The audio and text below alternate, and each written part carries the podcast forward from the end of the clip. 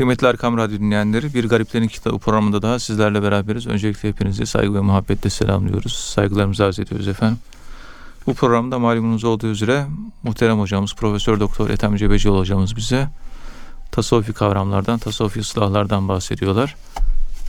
Daha önceki birkaç programımızda tasavvufta makam kelimesinden, makam kavramından bahsetmişti hocamız. Bugün inşallah tasavvufta hal nedir ondan bahsedecekler.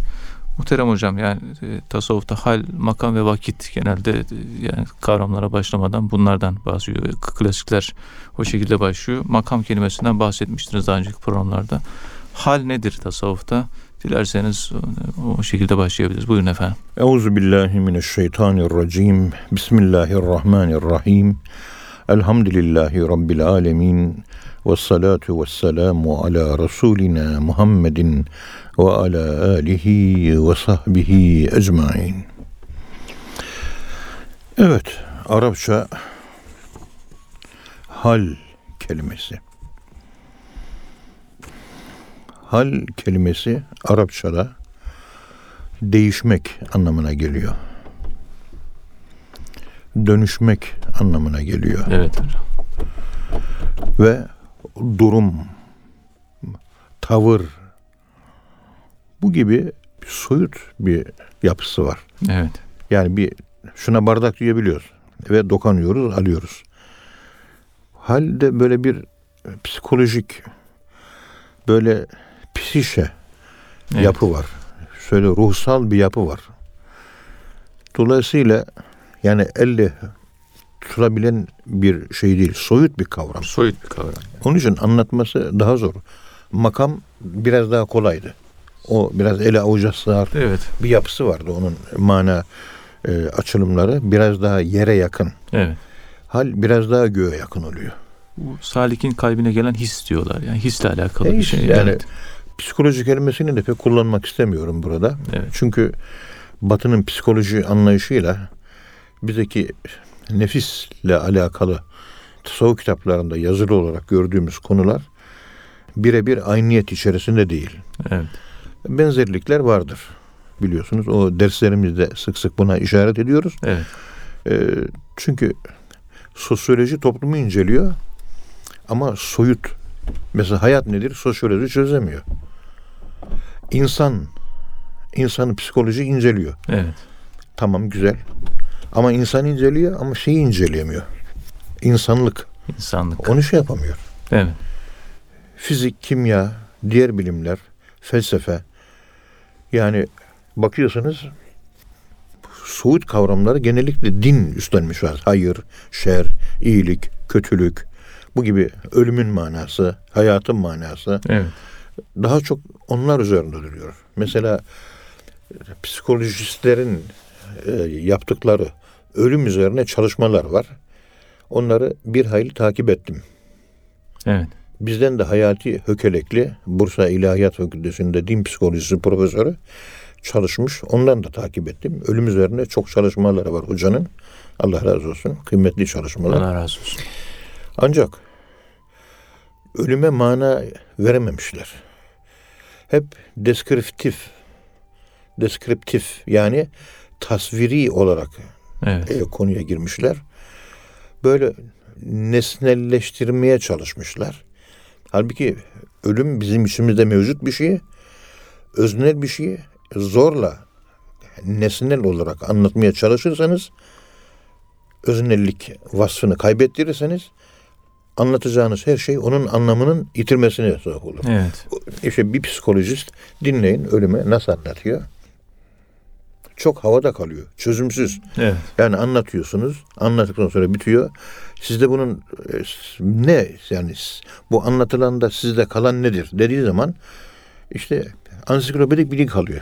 Evet. Logos, loji. Yani akıl sınırları içerisine gelen kadarıyla ölümü anlatabiliyor. Sosyoloji de öyle, e, psikoloji de öyle. Bu konuştuğumu dikkat edin. Evet. Aliye İzzet Bego için Batı Doğu mukayesesi, Batı Doğu karşılaştırması ile ilgili bir eseri var. Evet. Bu konuştuklarım aynen orada da var. Biraz e, değiştirerek anlattım ama üç aşağı beş yukarı mantığı bu. Evet. İşte burada din devreye giriyor. Dinde anlatırken böyle kelami bir üslupla anlatırsa o da akılcı kalıyor. O da Yüzeyde kalıyor. yüzeyde kalıyor. Halbuki ama kelamcılar buna rağmen bir sosyologun, bir psikologun daha derininde yer alıyor. Daha derin. Çünkü Tabii. ayet hadise dayanıyor. Tabii. Ve tasavvufçulara geldiğimiz zaman işte Mevlana Hazretlerini okuyun. Hayatın ne manaya geldiğini anlayabilirsiniz. Böyle lif lif, santim santim, milim milim analitik bir yaklaşımla ölümü, hayatı ve bunların manalarını anlatmış ve dinleyenlerde de tatmin duygusu oluşturuyor. Evet. Kelamcının anlattığı ölüm insanda tatmin, kalbi tatmin, huzur oluşturmuyor Oluşturmuyor. bir sosyologun, bir psikologun veyahut da buna benzer felsefecinin ölümü anlatmasında kalben dinleyen tatmin olmuyor. Evet. Geçen son programımızda mesela ağlamak üzerine Evet, konuşma evet. yapmıştık. Onu da bir 10 dakikaya sıkıştırdık. Onu bir ayrı bir ders olarak İnşallah. da bu Daha radyoda daha geniş olarak inceleyelim. Evet. Çünkü o konu 1 saat 55 dakikayı buldu. Evet. Burada bir saatlik geniş geniş ağlamak üzerinde bir konuşma yapalım inşallah. Allah nasip ederse. İnşallah ayrı bir konu olarak ele alırız inşallah. Profesör efendime söyleyeyim onun yazmış olduğu varoluşçu Evet. e, terapi adlı kitap Profesör Irvin Yalom'un Evet. Oradan ben hareket ederek yazdım.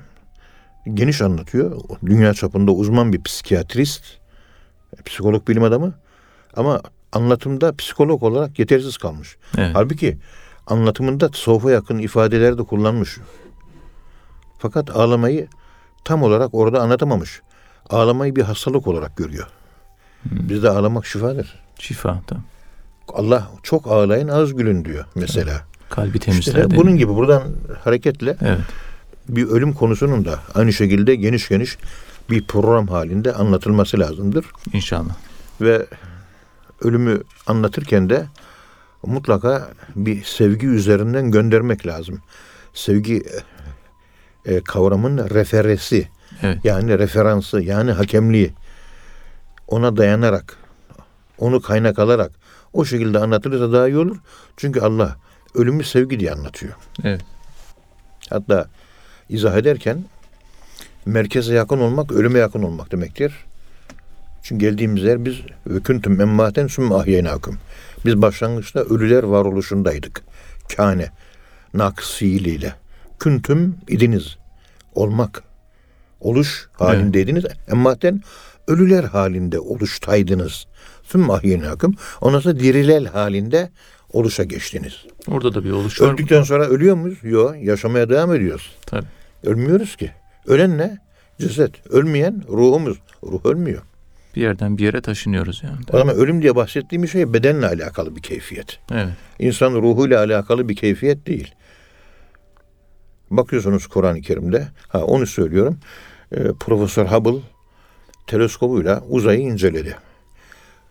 Uzakta işte Andromeda galaktikası bizim galaktikamız geliyor. Bizim bulunduğumuz galaktikaya geliyor yavaş yavaş. Yaklaşıyor tabii. Tabii 6 milyar yıl sonra buluşacakmış. Evet. 7 milyar ışık hızı ile geliyor falan. Ondan sonra bizle buluşacak ve bizim galaksimizle çarpışacak. Bize yaklaşan bu yıldızların hepsi mavi renkte gözüküyor. Uzaklaşan yıldızlar da kırmızı renkte gözüküyor. Biz biliyoruz ki mavi ölümün rengidir.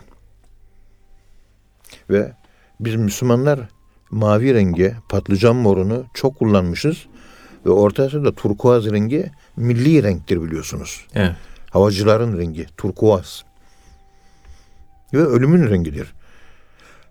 1250'li yıllarda Kudüs'e giden Haçlı orduları bizim Anadolu'daki, Suriye'deki Müslüman mimarisini gördüler. Yeşilin süsleme sanatı unsuru olarak bol miktarda kullanıldığını ve etkili olduğunu gördüler. Çünkü mavi renkte şifa var Evet. ematist taşı var mavi renkte. Alnınıza koyuyorsunuz. Bekliyorsunuz bir süre. Dikenli bir taş böyle. Evet. Yeşil rengi biliyorsunuz onun mordur. Mordur. Eflatun renktir. Bir 5-10 dakika durunca bir negatif enerjiniz varsa taş ısınıyor. Yoksa taş soğuk kalıyor. Soğuk kalıyor. Hmm. Ve o taş ısınınca başı ağrıyan insanların başının ağrısı da geçiyor. Doktora dersinde bunun deneyini biz yaptık. Evet. Taş tıbbı diye bir tıptan bahsediliyor ve taş eczaneleri açılıyor Türkiye'de yavaş yavaş. Evet. Demek ki ölüm anlatılırken ölüm siyah. Siyahtan ilk doğan mavi. Gökyüzünde işte ebem kuşağı oluyor. Yüz yuvarlak biliyorsunuz. Evet. Dairenin merkezinde en aşağıda hangi renk var? Mavi renk var. En dışarıda ne renk var? Kırmızı renk var. Merkeze yakın renk mavidir. Evet. Kırmızı merkezden uzaktır.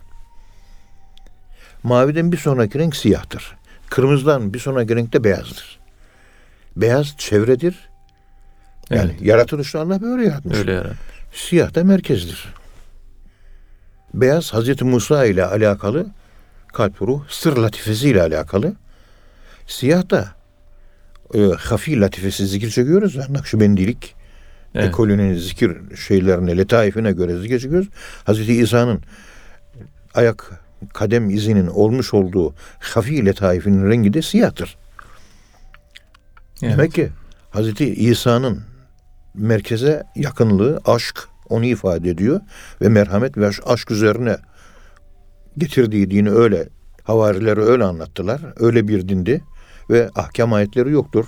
Yok. Teve- şeyde İncil'de Aramicedir ve bugünkü İncil'de öyle bir şey var. Ahkam ayetlerini ahkam olarak Tevrat'taki ahkamı uygulamışlardır. Evet. Ve hep kanundur, akıldır Tevrat. Ama kalbe uzaklaşıyor akıl olunca. Onun için rengi Hazreti İsa'nın, Hazreti Musa'nın kademinin ayak izi rengi beyazdır. Beyaz peygamberdir. Evet. Hazreti İsa Aleyhisselam siyah peygamberdir. Letaifteki renklere göre konuşuyoruz. Ve biliyorsunuz Ankara'da doktora derslerini yaparken talebelerimizle Hazreti Musa'nın kademi diye kalp ruh sır. Sır konusunu e, tam bir ay anlattık. Evet. Hazreti Musa ile ilgili ve beyaz beyaz ölüm Hazreti İsa'nın işte adı Mu. Mu deniz demek, su demek.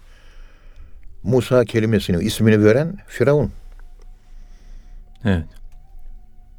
Yani Musa ismi değişmemiştir ama o isim veren Firavundur. Sudan çıkarılmış manasına geliyor. Suyla ilgili Kur'an-ı Kerim ayetleri baz alınarak hadis değil. Millet çünkü hadis artık kabul etmiyor.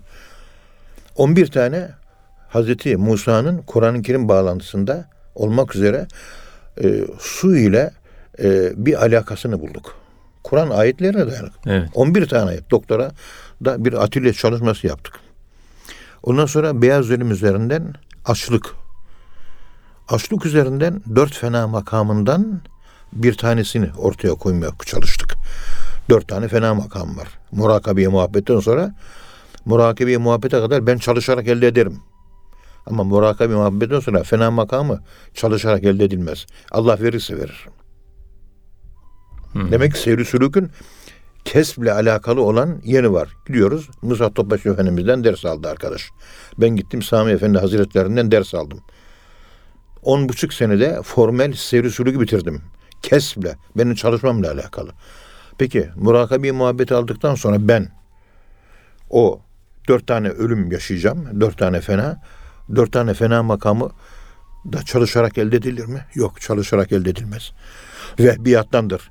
Verirse verir, vermezse vermez. Gayrı işte çalışma bitiyor yani. Yok. Sen sadece vazifeni yapacaksın. Evet. Cenab-ı Allah bir şeyler verirse elde edersin. Vermezse elde etmezsin. Ne kadar çalışına çalış vermez. Evet. Az bir şey yaparsın bir yerden o makamlar gelir. Yani bir iki kere iki dört gibi deterministik bir yapıya sahip değildir fena makamları. Dört Evet. tane. Her dört fena makamın içinde ayrıca on tane fena makamları var. Biz ona gider. iki önceki dersimizde bunların bir kısmını anlatmıştık biz. Evet.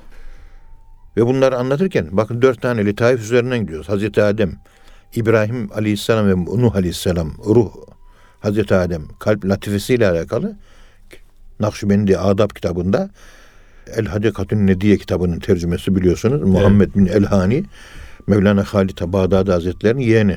Evet. yazmış ve onu okumuştur. O da okey demiştir. Onun şu anda elimizin altında o. O kitapta yazıyor bunlar. Kullandığım kaynak da o. Ondan sonra Hazreti Musa gelir diyor. Ondan sonra Hazreti İsa. Dört tane. Ama beşinci bir latife daha var. Yeşil renkli peygamberimiz. Beyazla siyahın tam ortasında yeşil renk vardır. Orta. Orta peygamber. Evet. Ve canlâküm ümmeten ve satan. Biz seni orta ümmet yarattık. Ne kırmızıya kaçan ne de maviye kaçan. Ne beyaza kaçan Hazreti Musa gibi ne de siyaha kaçan Hazreti İsa. İkisinin tam ortasında denge. Hem akıl var hem kalp var. İkisi de olacak. Evet. Sırf akıl olmaz. Sırf kalp de olmaz. Onun için ikisi birden olması münasebetiyle biz ay ümmetiyiz. Hazreti Musa gibi biz Hazreti Musa gibi bir efendim güneş ümmeti değiliz. Kameriyiz. Ve bir Hazreti İsa gibi yıldız ümmeti de değiliz. Evet. Ne beyaz ümmetiz ne siyah ümmetiz biz. Biz ay ümmetiyiz. Hem karanlıkta gözükür ay yani aklın karanlığında hem de güneşin gündüz yani e, kalp hem gündüz hem kalp hem akıl ruh iki tarafa birden egemen noktayı süveyda kabiliyetiyle ruh ve fuat kabiliyetiyle hem dünyaya açılır hem Allah'a açılır. Dünya açılan yönü işte şeriata mükellef olan kısım. Evet. Allah'a açılan kısımda bir tek Allah'a inandınız bitti. Başka hiçbir şey yok. Şeriat meriyat yok orada. Ama bu dünya açılan fuat kabiliyetinde ruhun akıl, şeriat akla teklif biliyorsun ona yüklenir. Aklı olmayan dini yoktur. Men la akle lehu la dine lehu. Fuat kabiliyeti, akıl kabiliyeti. Varsa şeriat vardır. Evet. Çocuklara şeriat yoktur. Delilere şeriat yoktur. Evet. Aklı başında varsa şeriat var. Aklı başında yoksa şeriat yoktur. İşte bu letaifleri anlatırken peygamberimizin letaifi biliyorsun dört fenadan sonra beka makamı var. Dünyaya dönüş makamı var. Peygamberimiz dünyaya dönüş yeşille alakalı bir yapı ifade ediyor ve beka makamıdır. Evet. Dolayısıyla yukarıdaki makam aşağıdaki makamların tamamını kapsar. Aşağıdaki makamlar yukarıdaki makamları kapsamaz. Bundan dolayı Hz. İsa aleyhisselam Ya Rabbi beni ümmeti Muhammed olarak yarat ve hatta gönder. Böyle duası var. Ve bel rafa'ahullahu ileyhi Hz. İsa Allah tarafından kendi katına semavi bir aleme çekildi. Bilmediğimiz bir yere çekildi. Evet. Kıyamet yaklaşınca gelecek, peygamber olarak gelmeyecektir, kul olarak gelecektir.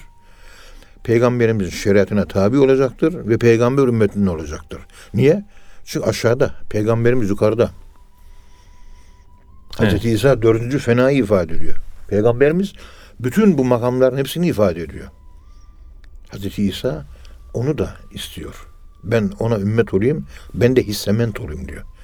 Ya biz şu anda ümmeti Muhammediz değil mi? Bizim ümmeti Muhammedlik vasfımıza Hazreti İsa aşık. Ben de olayım diyor. Kıyamete yakın matematiksel evren, semavi boyut, en boy yükseklik, mekan, zaman, dört boyutlu bir yapının dışında bir yerde bulunuyor şu anda. Zamansal olarak donuk yaşıyor vaziyette. Zamansızlıktan. Evet. Yaşı indiği zaman 33 yaşında göğe çekildi. Aradan 2000 sene geçti. 2033 değil öyle. Zaman olmadığı yerde olduğu gibi kalıyor. Evet. Ve o şekilde de inecek. Hangi yaştaysa.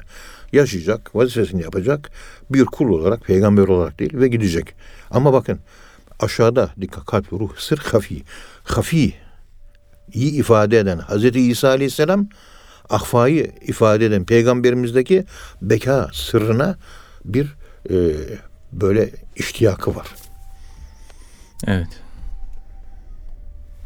Peygamberimizin ümmetine olmak, ümme, Şimdi ümmet bütün bunlar istiyor. arasında yani biz e, mesela bir ölümü anlatırken e, nasıl böyle elle tutulamaz bir kavram psikoloji, efendim sosyoloji, felsefe anlatamadığı gibi Aliye İzzet Begoviç'in Doğu Batı adlı kitabında anlattığı gibi Evet. halde aynı şekilde bugün bu bilimler tarafından anlatılamaz. Okuyorsunuz psikolojik bir yapı gözüküyor. Psikoloji de çözemiyor. Psiko- bugünkü psikoloji Bugün- çözemiyor. Evet, bugün. O zaman İsmail Reca Faruki'nin The Knowledge Islamization yani Bilginin İslamlaştırılması. İslamileştirilmesi. bu bilgi nasıl İslamlaşır? Acaba öyle bir yöntem mi işlemek gerekir? Onun da sonra mahsurlar çıktı.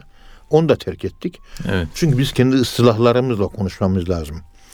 Istılahımızdan dışarı çıktığımız an tasavvufun zemini kayar. Evet. O zaman ki kendi ıstılahlarımız içerisinde bugünkü bir Müslüman psikolog ne yapabilir? Hangi yöntemle çalışabilir? Ee, Bunun üzerinde son zamanlarda çok çalışmalar yapıldı ve güzel mesafeler de alındı. Evet. Çünkü ince ve hassas e, çok e, böyle ayarlı bir konu. Bir- Hem ilaççı olacaksınız. ilaççı olup da din psikolojisi olup da tefsir, fıkıh, hadis bu konuları iyi bileceksiniz. Kelam da dahil, tasavvuf da dahil. Bunları iyi bileceksiniz. Aynı zamanda modern psikolojiyi de Avrupa'daki, Amerika'daki, Kanada'daki Evet. modern psikoloji bileceksiniz. Bu ikisinin birikimiyle yeni bir harita meydana gelecek. Benzeyen, ayrılan yönler. Evet. Ve hiçbir zaman batıdaki psikoloji bizim bir Muhyiddin Arabi'nin anlattığı insanı anlatamıyor. Mevlana'nın anlattığı insanı hiç anlatamıyor. Ta Arkeler diye Carl Gustav Jung'un çıktığı Arke diye çıktığı yer Tayyün-i Sani'nin altında ruhlar mertebesi ne yakın bir yere kadar anlatabiliyor. Ondan sonrasının Allah'la alakalı kavramlar ortaya çıkıyor. Ee, Allah bilim ötesi, akıl ötesi olduğu için bilim dışı kabul ediliyor ve bizim alanımıza girmez diyor ve incelemiyorlar. Evet. Ama çok cesur psikologlar inancın nasıl meydana geldiğini bugün tartışıyorlar kendi aralarında. Tuttu bir süveter, şu benim üzerimdeki süveter gibi süveteri, üç tane denek var. Dedi, bu dedi kadın katili, karın deşen Jack, ünlü katil. Cinayetleri işlerken bu süveteri kullanmış. Bu süveter de müzede sergileniyor dünyanın gelmiş geçmiş en seri katili. Öldürdüğü kadın sayısı 109 mesela. Aklımda öyle kalmış. 109 tane kadın öldürmüş. Seri katil ya. Seri katil. İşte bu dedi gördüğünüz anlattı ve değerli tabi böyle bir dünya çapında birisi çok insan öldürmekle meşhur olmuş birisi. Değeri de bu kadar dedi. Böyle 30-40 bin dolar diye bir paradan bahsetti. Bu kıymetli e, süveteri buyurun biriniz giyin programda konuşurken e, kullanalım bunu dedi. Birinciye teklif etti. Üçü de dinsiz. Üçünde de Allah inancı yok. Ve biz inançsızız diyen insanlar. Birinci giymedi. İkinci bayandı.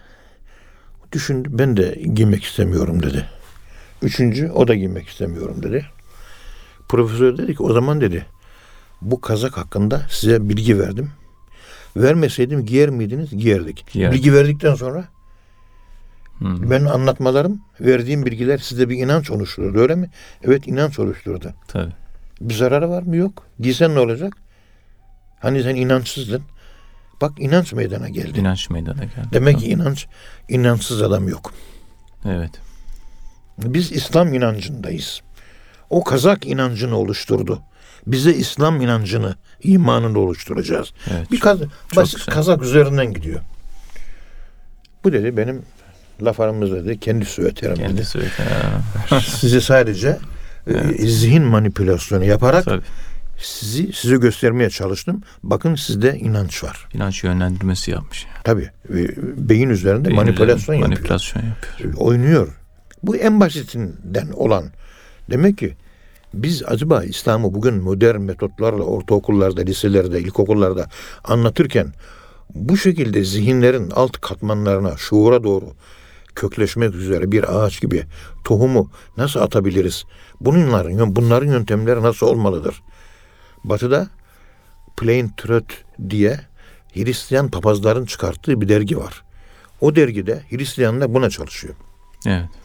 Hazreti İsa inancının kuvvetlendirilmesi için, Allah inancının kuvvetlendirilmesi için neler yaparız? Biz oradan alacak değiliz elbette. Ama e, bu yönde çalışmalar var.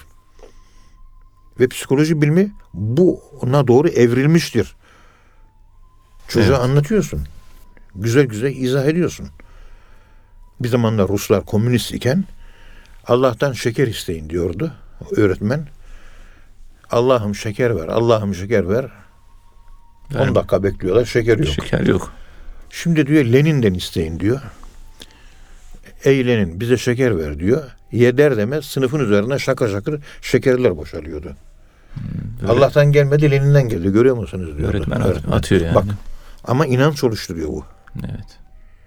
Bu, bu eğitimin, bu e, spiritual education dediğimiz ruh eğitimine ters çevirirsek ne olur? Ama bu da sahtekarlık olur. Oraya sen şekerleri koymuşsun, Allah deyince açılıyor.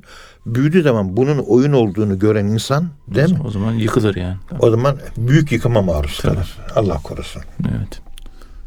Kandırmış oluyor yani. O zaman bunun ileri tar- tarafı acaba makul olan insanların acceptable statüsü nedir? Yani kabul edilir. Statü nedir bu konuda? Biz nasıl inşa edebiliriz bunu? Bunu bir yapmak lazım. Evet. Eğitimde nasıl kullanabiliriz? Şimdi işte Batılılar biraz biraz Tabii. çalışıyorlar. Ee, bizimkiler de daha psikolojistlerimiz e, Müslümanlığı acaba doğru bir din mi yanlış mı bunun kararına varamadılar. İlahiyatçıların cin var mı yok mu diye tartıştıkları gibi, ruh var mı yok mu diye tartıştıkları gibi. Maalesef. Ya. E, maalesef. Tabii. Dolayısıyla e, Batı psikolojistleri gelen psikolog gelen hastaları psikolojistler tedavi edemiyor. Kendileri de söylüyor. Ve psikologların da psikologlar var. Psikologlara gidiyorlar. Niye? Evet. Derslerde biz bunları izah ettik, anlattık tek tek. E, mutlak olan bir üst, en üst otorite Allah. Onu bilip ona ruhumuzu, aklımızı teslim edemiyoruz. Akıl tanrılaşmış. Allah'ın yerini almış. Ama akıl da sonlu. Sonsuz yerine insanın sonsuz ruhu, sonlu aklına bağlanınca ne olur? Deprem olur. Tabii. Akıl Allah'ı kuşatamaz. Dikkat et. Akıl sınırlı çünkü.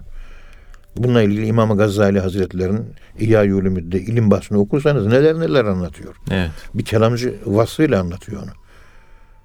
İşte bunları hep düşünmemiz lazım. Biz gittikçe çöken ve ben deistiyim diyen insanların çoğaldığı bu dönemde oturup izah etmek lazım. Bakın Bilal Bey bana geldi dedi. Hocam birisi geldi bana dedi. Efendim dedi ben dedi ilmin ledünne sahibim. Cin, min falan bir sürü bir şey söyledi. İşte dervişim dedi bilmem ne. Ben kendisini kabul etmedim, dedi, görüşmedim dedi. Peki bunun aslı nedir diye sordu bana. Evet. Takside giderken. E, 10 dakika içerisinde, 15 dakika içerisinde kısaca meselenin özetini anlattık. Ve arabadan indiğimizde 15 dakika içinde hocam bu anlattıklarınızdan tatmin oldum dedi. İkna oldu ya. Tatmin oldum dedi. Evet. Efendim sirkeyi kullanacaksınız da kapılara süreceksiniz de cin tesirine karşı iyi gelir. Ayet ve hadis göster. Ayet hadis yok ki bununla ilgili. Ama bir yönden hadislerle alakası var. Bir yönden modern bilimle alakası var. Bir yönden bugünkü medyumistik faaliyetlerle onların vardığı sonuçlarla alakası var. Peygamberin bazı sünnetleriyle kafa başını saçını zeytinyağlaması Evet. sık sık e, sirke yemesi ve tuza banarak başlaması ve tuzla bitirmesi. Bunlar hep negatif enerjiyi kovan şeyler. Çünkü şeytan bize müdahale ediyor Kur'an-ı Kerim'e göre. Ve şarikum fil emvali vel evlat. Yemenize, içmenize, çoluğunuza, çocuğun mallarınıza şeytan iştirak ediyor. Ayet var. Evet. O tuzu, sirkesi bunların karşıtı olarak bir yapıya işaret ediyor. Peygamberimiz onun için yemeğe tuzla başlıyor, tuzla bitiriyor. Böyle bir evde huzursuzluk olur, ne olur, cinli bir yap olur falan. Böyle tuz işte. Tuz. Ev, yani başlarken biterken az miktarda bir tuz almak lazım. Sünnet, Sirke. sünnet Tabii, zaten. Peygamberimiz Sünnet. ekmeğini sirkeye banıyordu. Halbuki onun banmasına gerek yok. Bol bol hurma vardı. Ve ne güzel ka- katıktır diyor, sirke diyor. Evet. Nimel hallu diye başlayan hadis. Ne güzel katıktır diyor, sirke diyor. Ders çalışırken o hadis şeriften hareketle Evet. Kafam yorulur. 18 saate yakın okuma yapıyorum. 16, 17, 15 Maşallah, saat maşallah. okuma yapıyorum. Ee, önümüzde okurken efendime söyleyeyim böyle bir e, okuma daralması, kilitlenmesi oluyor. O kilitlenmeyi kırabilmek için böyle suyla karıştırılmış sirke içiyorum önce. Ondan sonra yüzüme sürüyorum. Saçıma sürüyorum. Koluma sürüyorum o sirkeli şeyi. Şu böyle boğazıma falan sürüyorum biraz. Ya, hafifçe böyle. Sadece nemlensin diye böyle şakır şakır yıkamak değil. Şöyle oturuyorum. Birdenbire kitap okumak ile meydana gelen üzerime üşüşen hafakanlar dağılıveriyor. Evet. Defalarca. Banyo yapmadan önce mesela peygamberimizin yaptığı gibi zeytinyağı başına sürüyoruz. Zeytinyağı ziya ile alakalı. Yediğimiz zeytinin kendisi nurla alakalı. Hmm. Nur suresinin 35 numaralı ayet-i kerimesi. Yekâdü zeytühâ yudî'ü ve lev lem tensesü nar. Zeytinin yağı narla ve ziya ile alakalı. Zeytinin ki etli kısmı yediğimiz kısımda nurun ala nur, nurla alakalı. Nur yapıyor. Ve o ateş biliyorsunuz aşk kalptedir. Ateşi karaciğerdedir. Zeytinin o ateşi kalpteki e, karaciğerdeki ateşe düzen getirir. Aşk ateşine. Çok aşık olup yanan insanlar varsa zeytini lütfen çok yesin diye psikogastronomik olarak epey bir dersler yaptık biz burada. Tabii bizim programları merak edip de dinleyen yok ki. Ayet bu. Ayete bağlı olarak konuşuyorum.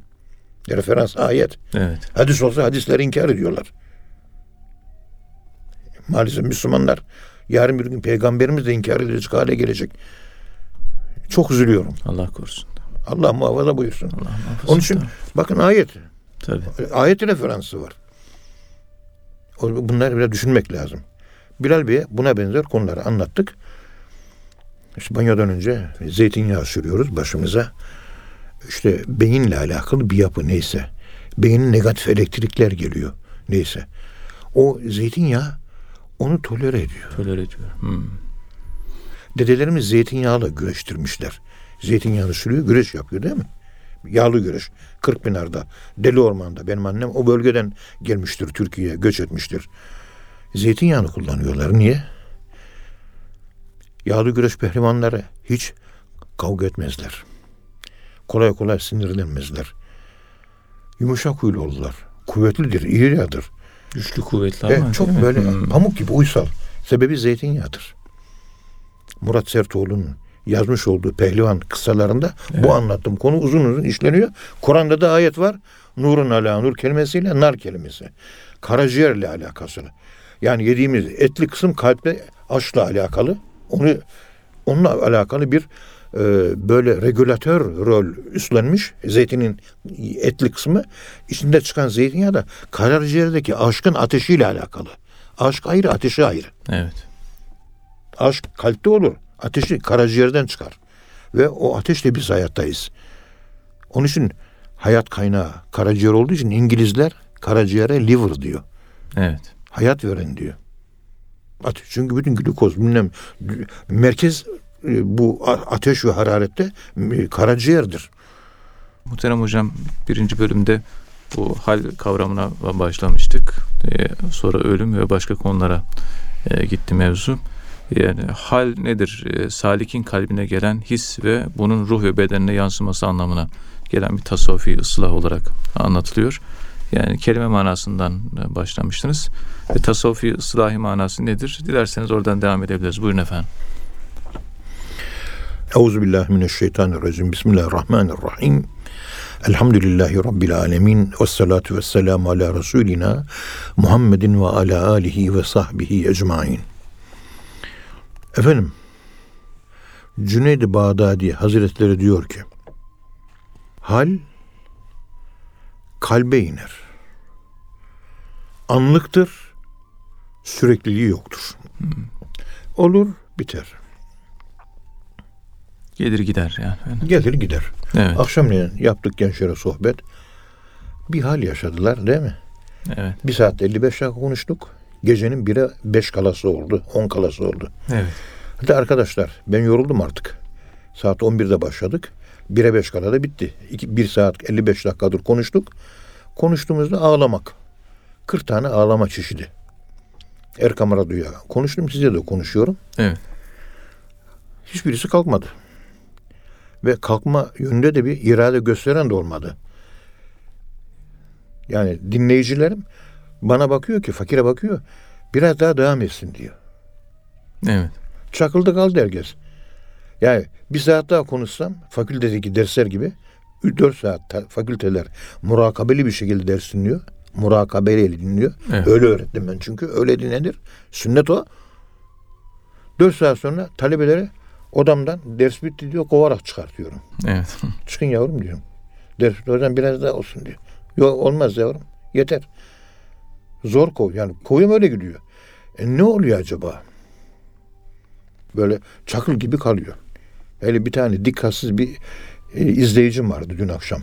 Orada ben konuşurken e, böyle entel e, kılıklı bir arkadaşımız yakışıklı gayet güzel beni dinliyor. E, ben tabii Allah için konuşuyorum. E, 70-80 70 kişilik bir kalabalık vardı biliyorsunuz dün. Baktım konuşmanın ilk yarısı bittikten sonra sağa sola bakmayı bıraktı. Efendime söyleyeyim e, dikkatini bana yöneltti. Ondan sonra kulağını, en sonunda kalbini yöneltti. En sonra derste kayboldu. En son kalkan da oldu. Çünkü başladığımızda çocuklar bisiklete nasıl biner diye oradan başladık. Evet. Ulan profesör olmuş da şu adama bak nasıl konuşuyor ya diyerek şöyle tepeden bir bakış yaptı. Biz giriş cümlesi bir yerden başlamak gerekiyor diyor oradan başladık. Sonra konu ciddileşip de anlamaları zorlaştığı zaman Evet. ve anlaşılamaz konulara geldiğimiz zaman anlama gayreti içerisinde herkes kulak kesildi. Hmm, Konunun içine girdi yani. Girince de ne uyku kaldı, ne gecenin biri kaldı, ne gecenin ikisi kaldı. İşte ondan sonra tabii herkes dağıldı gitti. 200 saat sonra o hal kayboldu değil mi? Şimdi buna hal derler. Kalıcı olsaydı makam olacak. Evet. Geldi gitti. Sami Efendimizin huzurunda Rıza Çöllüoğlu Hoca Efendi bir Kur'an-ı Kerim okudu. Yaz mevsimiydi. Ve pencereye iki tane beyaz güvercin geldi. Sanırım Erenköy'deki devlethanede. Evet. Öylesine ki Rıza Çöllü Hoca bir yandan okuyor bir yandan da kolunun kenarında pencere açık dışarıda iki beyaz güvercin öyle dinliyor. Kolum itekliyorum ki uçsunlar diyor. Uçmuyor diyor. Hayvanlar ben uzatınca elimi şöyle hafifçe kolumu diyor. Hem bir yandan okuyorum bir yandan da şey yapıyorum diyor. Ve şey yaptı. Yani güvercinler gidiyor. Uçmuyor. Birkaç defa böyle şey yapmış. Tabii durduğu zaman okuyor. Durağa gelince hayvanlar uçsun uçuramamış. Kur'an dinliyorlar. Din Kur'an dinliyorlar. Herkes hüngür hüngür ağladı o Kur'an okunurken. Sami Efendimiz gökler yine indi dedi. Hmm. Ve ekledi işte bu bir haldir dedi. Hal evet. Bu bir haldir dedi. O kadar. Yani değişkenlik, hale yehulu. Muhavvil. Havele, hayele değil. Evet. Ha harfi, vav harfi, lam harfi. Üçlüsü bunun bu olmuş oluyor. Cüneyd-i Bağdadi Hazretleri'nin anlattığı gibi gelip geçici bir şeydir. Hal. İşte böyle bir sarhoşluk hali oldu diyor. Arız olan, ilintili bir şey. Gelir ve geçer. Evet. Yağmur şimdi İstanbul'a yağmıyor. Merak etmeyin. Kışlar geç geliyor ve kışlar geç bitiyor. Bir kış yine kış. Ama eskiden kış Ekim ayının sonunda gelirdi. Şimdi ocağın sonunda geliyor artık. Nisan yağmurları Haziran'ın sonunda yağıyor artık. Şu anda öyle. Temmuz yağmurları oldu yani. Yani yine geliyor. Evet. Demek bu bir haldir. Bu hal aynı zamanda dem deniliyor. Bu bir demdir, gelir geçer duyamazsın demedim mi? Bu bir rıza lokmasıdır, yiyemezsin demedim mi diyor. Evet. Ne duyulabilir duyuşla ne de kalple sezilebilir sezişle. Ya Evet Sayın Hocam. işte bu hal anlatılırken Profesör Mazhar Osman Uzman Bakırköy akıl hastalıkları bölümünde akıl işte hastalıklarıyla uğraşan bir psikolog idi. Diyordu ki Erzurumlu İbrahim Hakkı'nın tefviz namesini her gün bir defa okuyun. Ruh olarak size sağaltım yapar diyordu. Ruhunuza iyi gelir, şifadır diyor. Tefviziname. Yani bütün işleri Allah'a havale etmek. Evet. Yani işlere değil, işlerin sahibine, sahibül umur olan Allah'a bakmak. Evet. Hani e, bir örnek vermiştik ya dün akşam. İnsanlarda sebeplere takılı kalma. Akılcı olduğu için sebeplere takılıyor. Reason manasında, intellekt manasında akıl olsa insanlar meydana gelen işler değil, meydana getirene bakarlar. Geldim, şu Tuncay yanımda oturuyor. Tuncay'ın kafasına şak diye vurdum. Acıdı ve gözünden yaş geldi. Niye? Bana baktı. Bu Ethem Hoca benim başıma bir tane şaplak vurdu ve acıdı gözümden yaş geldi. Tuncay'ın bir hatası var. Vurana değil vurdurana bakacak. Evet. Vurduranı gördüğü zaman insanın o zaman yüzü gülüyor. Hoca burada bir araç. Sebep. He. Bir sebepler dairesi içerisinde ben bir müsebbibül esbabın Evet. sebepleri yaratan Allah'ın gelip de gökten inip de elini kaldırıp da senin kafana bir tokat atacak hali yok Allahü Teala'nın. Sübhan, münezzeh. Antropo, antropomorfiya yok. İnsan, insan Allah değil. Eski Yunan'da ilahlar hep insanlaştırdılar değil mi? Evet. İnsan şeklinde düşündüler. O halde ben bana sopayı vuran, değneği vuran kimseye değil, onu vurdurana bakacağız. Aristo'nun köpeği gibi. Mesela şunu al diye Aristo'nun köpeği köpeğine gösteriyor. Aristo'nun köpeği o hedefe bakmıyor. Sahibinin parmağına bakıyor. Elini şöyle kaldırdı ya. Halbuki hedefe bakmak lazım. İnsanlarda bu şekilde sebeplere takılı kalma. Başına bir bela mı geldi? Hemen Allah'a döneceksin. Ya Rabbi benim bir suçum var. Ondan dolayı bu oldu. Hemen Allah'la oturup sohbet edeceksin. Arakan'da Müslümanlar öldürülüyor. Bunun sebebi benim diyeceksin. Kendi kusurlarını göreceksin. Evet. Alakasız olaylarda bile. Daha sonra bunun bu ifadenin acaba bugün modern bilimde bir karşılığı var mı diye ben merak ettim mesela. Var mı hocam? Var. Kuantum fizikçileri, en son kuantum fizikçileri işte Amerika'nın Kaliforniya eyaletinde ve hatta e, doğu sahillerinde Kanada'nın işte güneyi falan oluyor. Amerika'nın da işte Atlas Okyanusu'na bakan tarafı kral kelebeği diye bir kelebek. Onu gösterdiler. Kelebek şu şekilde filmini çektiler. Yukarıdan aşağı kanadını aşağı indirdi yavaş. Warp time diyorlar. Yavaş çekim diyorlar. Yukarıdan aşağı indirdi kanadını şöyle. Evet. Bir tane kelebek. Şöyle indiriverdi. Dedi ki fizikçi filmi durdur dedi. Durdurdular. Kuantum fizikçi dedi ki astrofizikçi ama kuantumcu. Acaba bu kanat yukarıdan aşağı indi ya bu ta altı ışık hızı uzaklıkta bulunan şu gezegeni bu kelebeğin kanadını indirmesi onu ne kadar etkiledi dedi. Evet. Meğer bilim adamları alnımızın şurasındaki bir tane histolojik olarak bir hücre ta ayağımızın ucundaki bir hücreyle bağlantı halindeymiş. Her hücrenin 5000 tane bağlantı imkanı ve alanı varmış.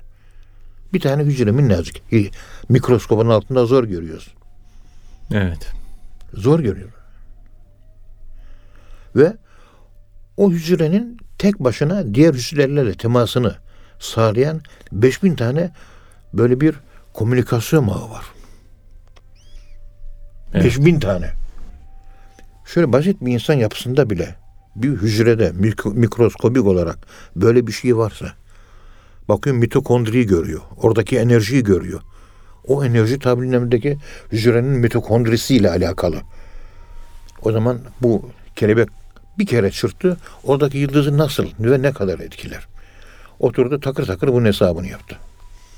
Çıkarttı. İlk bu hesabı Erwin Schrödinger 1927'de yaptı ama bu hesapları Albert Einstein ona gülüyordu. Evet. bu sorunun cevabını 1927'de 28'de Erwin Schrödinger yaparken bunu uygula bu formülü bulduğunda bir kelebeğin kanadı 5 ışık hızı yılı uzakta bulunan bir gezegeni nasıl etkiler? Bir kelebeğin bir kanadının aşağı inmesi. Formülünü buldu yaptı. Reddetti Albert Einstein. Aradan 16 yıl geçti. Tekrar bir gözden geçirdi kendisi. Doğruymuş dedi. Hı. Kendi E eşittir mc kare. Enerji eşittir madde kütlesi ve ışık hızının karesiyle çarpılınca atom bombasını patlattı ya. Evet. Erwin Schrödinger'in yaptığı bu hesaplardan almış olduğu destekle EMC kareyi buldu. E eşittir MC kareyi.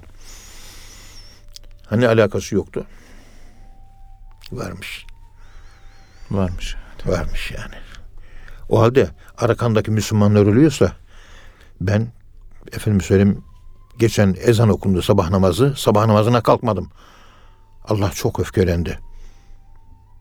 O öfkesi yeryüzüne yansıdı bana öfkelendiği için. O öfkeden bir kısmı gitti Arakan'ı vurdu. İşte Arakan'daki Müslümanlar benim yüzümden bu şekilde katliama maruz kalıyor. Sebebi benim deyip uykusuzluk geceleri yaşamaya başladık. Bir derviş o Arakan olaylarını izler. Üç gün, beş gün, yedi gün gece uyuyamaz üzüntüsünden. Arkasındaki metafizik üzüntü bu. Ama bakıyorsun tefsir fıkıh hadis hocası izliyor. Arakan'daki 5000 tane Müslüman öldürülmüş. İzliyor, üzülüyor. Yatıyor çok rahat bir şekilde uyuyor. Uyumayan dervişi anlamıyor. Uyumayan derviş de uyuyan o tefsir fıkıh, hadis, müftü, vaiz neyse din adamını anlamıyor. Orada 5000 Müslüman öldürülürken, Suriye'de bu kadar Müslüman öldürülürken sen nasıl yatıyorsun? O anlayamıyor işte. Evet. Bakın quake, fay hatlarının kırılması, kırıldı yerler. Deprem. Onun tasavvufu bu şekilde ya benimle ne alakası var Arakan'ın diyen insan türüyle ümmetin dertlerine sahip çıkmayan insan türüyle ümmetin bütün dertlerinin kendisiyle alakalı olduğunu ve o bütünün parçası olduğunu farkındalığında olan bir insanın davranış yapı ve ahlakı arasındaki dağlar kadar bir fark var. Kalite farkı var. Tasavvuf işte bu insanı üretiyor. Vatanını satan sahtekar üçkağıtçı akademisyenlerden, bürokratlardan, bilmem nelerden görüyorsunuz ortalığı. Yani her şeyden mesul hissediyor yani. Tasavvufun şeyden. verdiği şey bu ya. Çünkü halife iz, responsibilite, Tabii. bizde sorumluluk var. Arakan'da o Müslüman ölüyor, geceleyin uyuyorsa sen sorumluluk duygusu yok demektir. Yoksa sende halifelik yok demektir. Evet. Bu soru soruyorum. Zahir uleması sadece gülüyor. Hiç anlatamıyor, izah da edemiyor. Kaliteli bir İslam bu. Olmak da istiyor ama olamayacağını da biliyor. Çünkü tasavvufi bir seyri sülüke girmesi lazım. Bir tarikata intisap etmesi lazım. Böyle bir manevi hassasiyete ulaşması lazım. Ulaşamadığı için bunun arka planını okuyamıyor. Okuyamayınca tasavvufun aleyhinde durmadan konuşuyor. Evet. 5500 tane efendim söyleyeyim Türkiye'de vakıf var. 5500 tane vakıf e, STK'dır, sivil toplum örgütüdür. 4000 tanesi veya 4000'e yakını hep tasavvuf cemaatidir. Fakirlere yemek dağıtıyor, un dağıtıyor, ekmek dağıtıyor, talebelere burs dağıtıyor, Çor- hastalara çorba veriyor. bilmem ne yapıyor, çorba veriyor, ilaç veriyor, bedava ameliyata. STK devlete yardımcı. Hani yatıyor uyuyordu bu adamlar. Dervişler uyuyordu. Zamanımız tasavvuf zamanı değildi. 5500 tane STK vakıf var Türkiye'de. 4000 civarında hepsi tasavvuf cemaati. Hani yatıyorlardı? Tasavvuf cemaati olduğu için Allah için iş yapıyor. Televizyona çıkıp da davul çalarak ben bu hizmeti yapıyorum demiyor. Reklam yok. Evet. Tasavvufta reklam yasaktır. Adı duyulmadığı için de tasavvuf erbabı yatıyor gibi gözüküyor. O zaman hadi saldıralım. Bunlar tembel adamlar. Bunlar tembel adam değil. Bunlar işte ortada. Devletin gidin Vakıflar Genel Müdürlüğü inceleyin. Gencay Şaylan 1992 senesinde inceledi. O zamanki Milliyet mi Cumhuriyet Gazetesi mi? İki makale halinde bunları anlattı. Ben de ona dayanarak sol kesimden birisi. Bir profesör. Emekli oldu şimdi. O yazdı bunları. Ben Yurt, ondan yurt okudum. dışında da öyle. Afrika'da falan değil mi? Ya, tarikatlar ya. Bunları biraz düşünmek lazım. Evet. evet. Yani insaf sahibi olmak lazım. İşte bu tefsiznamede bir hal oluşturmaya çalışıyor. Profesör Masar Osman Uzman e, bunu okuyun diyor. Erzurumlu İbrahim Hakkı Hazretleri'nin tefsiznamesini yüksek müsaadelerinizle okumama izin var mı acaba? Estağfurullah hocam. Tabii buyurun. Teşekkür. Bir, sayfasını okuyayım. Öbür sayfasındaki bir dahaki bir- okuyalım bir sonraki inşallah. programda, Allah evet. nasip ederse. Evet, programımızın sonuna yaklaştık. Buyurun hocam. Hak şerleri hayır eyler, zannetme ki gayr Arifanı seyreyler, Mevla görelim neyler, neylerse güzel eyler.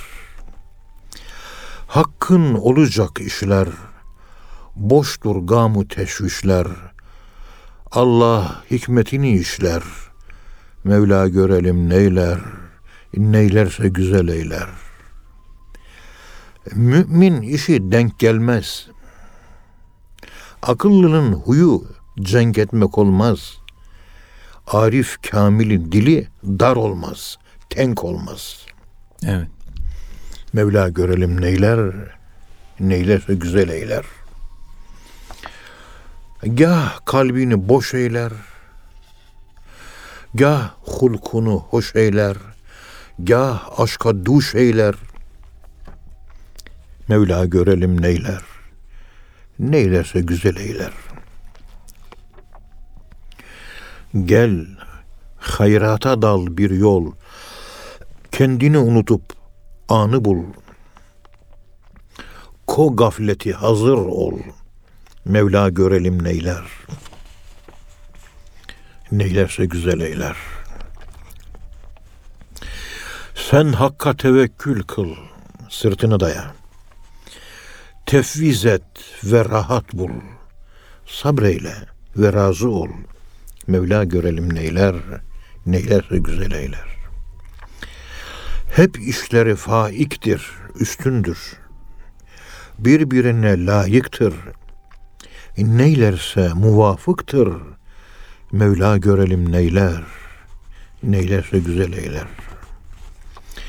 Hoş, sabru cemilimdir. Takdir kefilimdir. Allah ki vekilimdir. Mevla görelim neyler, neylerse güzel eyler. Gahi sade, renksiz, gahi rengin, gah tab'ın eder singin, gah horrem, gah gamgin, Mevla görelim neyler, neylerse güzel eyler. Her sözde nasihat var, her sinede göğüste zinet var, her işte ganimet var. Mevla görelim neyler, neylerse güzel eyler. Kalbin ana berk eyle, tedbirini terk eyle, takdirini derk eyle. Mevla görelim neyler, neylerse güzel eyler. Dilden gamı dur eyle, Rabbine huzur eyle, tefviz umur eyle. Mevla görelim neyler, neylerse güzel eyler.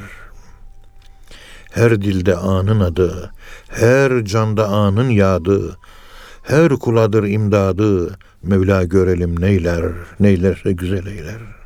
Az ye, az uyu, az iç, şu ten mezbelesinden geç.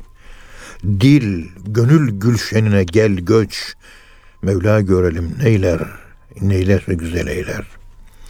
Hep remzu işarettir, hep gamzu beşarettir, hep aynı inayettir. Mevla görelim neyler, neylerse güzel eyler. Allah razı olsun hocam. Ağzınıza sağlık. Muhterem dinleyenler bir program daha sonuna geldik. Bir sonraki programda tekrar buluşmak ümidiyle hepinize Allah'a emanet ediyoruz. Hoşçakalın efendim.